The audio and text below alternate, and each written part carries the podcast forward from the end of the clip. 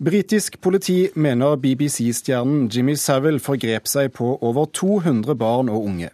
Det kommer frem i en rapport som ble presentert i Storbritannia i dag. Det yngste offeret skal ha vært åtte år da overgrepet skjedde. Overgrepene foregikk gjennom en årrekke på sykehus, spesialskoler og i BBCs lokaler. He forced me down backwards and pushed his tongue into my mouth and han pressa seg på meg, sier Deborah Cogger, som var 14 år da hun ble et av de mange hundre ofra til Jimmy Savile i 1974. Det var slik han gjorde med alle, og han fikk holde på, sier hun. All, all girls all I rapporten det britiske politiet presenterte i dag, kommer det fram at Jimmy Savile skal ha forgripet seg på over 200 personer i perioden 1955 til 2009. I 34 av sakene er det snakk om voldtekt. Det yngste offeret var ei jente som var åtte år da overgrepet skjedde.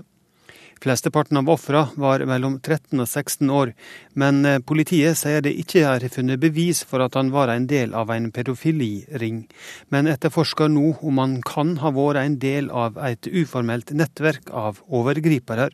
Welcome to January 1st, 1964. It's 6.34 p.m. I 1964 var Seville den første programlederen i musikkprogrammet Top of the Pops på BBC. Og utover 70- og 80-tallet ble han en av de største TV-stjernene i Storbritannia.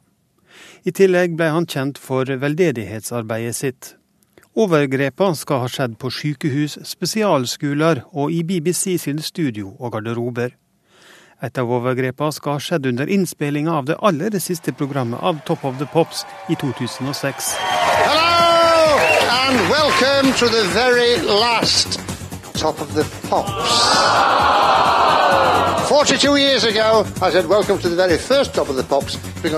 Savile døde i 2011. De første skyldningene mot han kom med han levde, men politiet la vekk sakene.